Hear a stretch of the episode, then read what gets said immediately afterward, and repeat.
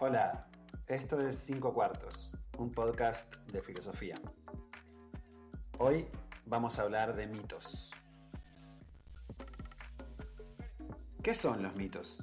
¿Tienen algo para decirnos sobre una verdad más profunda, sobre una realidad más auténtica? ¿O son pura charlatanería y pensamiento mágico?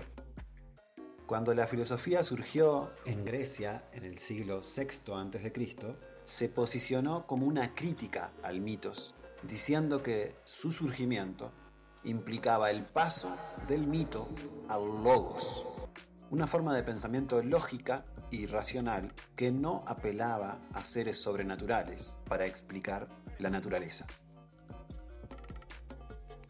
Sin embargo, la propia filosofía y otras ciencias humanas y sociales han mostrado que el mito tiene mucho para decirnos acerca de la naturaleza y la cultura, acerca del orden y el caos, acerca de qué significa ser humanos y cómo podemos darle sentido a nuestra existencia. Por eso hoy hablamos de mitos y vamos a pasar a considerar uno de ellos, el mito del jaguar de la etnia Cayapó del Amazonas. Andaba el jaguar cazando, armado de arco y flechas, cuando encontró una sombra. Quiso atraparla y no pudo. Alzó la cabeza. El dueño de la sombra era el joven Botoque, de la tribu Cayapó, casi muerto de hambre en lo alto de una roca. Botoque no tenía fuerzas para moverse y apenas si pudo balbucear unas palabras el jaguar bajó el arco y lo invitó a comer carne asada en su casa. Aunque el muchacho no sabía lo que significaba la palabra asada, aceptó el convite y se dejó caer sobre el lomo del cazador.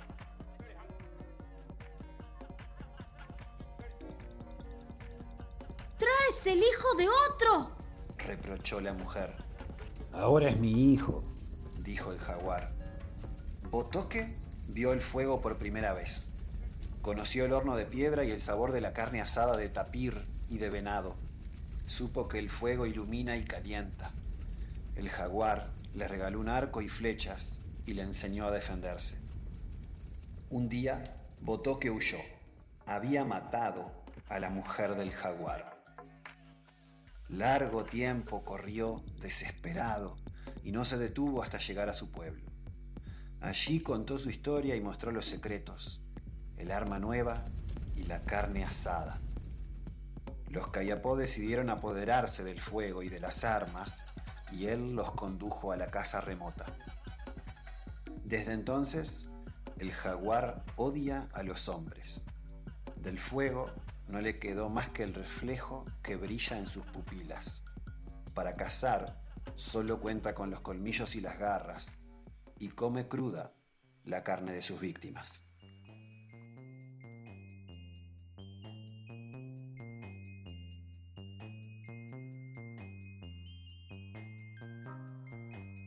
Hay muchos tipos de mitos.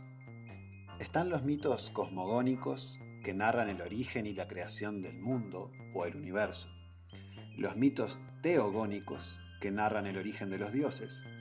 Y los mitos antropogónicos que cuentan las historias sobre la creación o el origen de los seres humanos. A la hora de definir qué son los mitos, utilizamos la definición de Mircea Eliade, un investigador rumano que dedicó su vida al estudio de los mitos. Eliade dice que el mito cuenta una historia sagrada, relata un acontecimiento que ha tenido lugar en el tiempo primordial el tiempo fabuloso de los comienzos. Dicho de otro modo, el mito cuenta cómo, gracias a las hazañas de los seres sobrenaturales, una realidad ha venido a la existencia, sea esta la realidad total, el cosmos, o solamente un fragmento, una isla, una especie vegetal, un comportamiento humano, una institución. Es pues siempre el relato de una creación. Se narra cómo algo ha sido producido, ha comenzado a ser. Sin embargo, aunque hay muchos tipos de mitos, todos ellos en algún punto coinciden.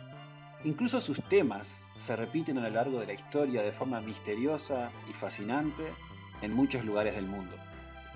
Un ejemplo de esto es el mito del diluvio, que además de aparecer en la Biblia cristiana, está presente en la mayoría de las tradiciones míticas de todo el mundo. La disciplina que se encarga de estudiar este tipo de cuestiones se llama mitología comparada y busca establecer similitudes entre los mitos de diferentes partes del planeta.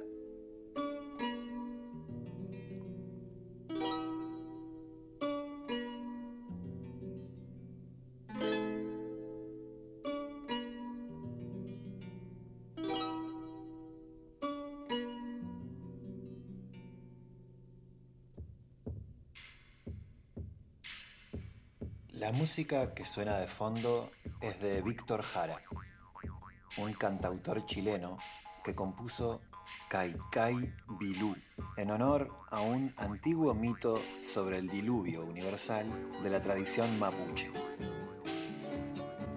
Vamos a leer este mito en clase y también les invito a que busquen otros a partir de la entrada en Wikipedia sobre mitología comparada.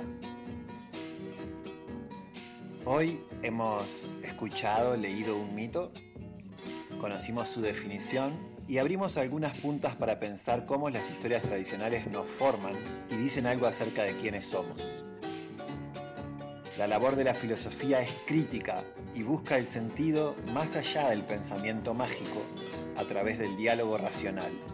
Sin embargo, es importante conocer de dónde venimos y saber que las historias míticas forman parte de nuestra identidad y nuestras tradiciones y es importante pensarnos a través de ellas.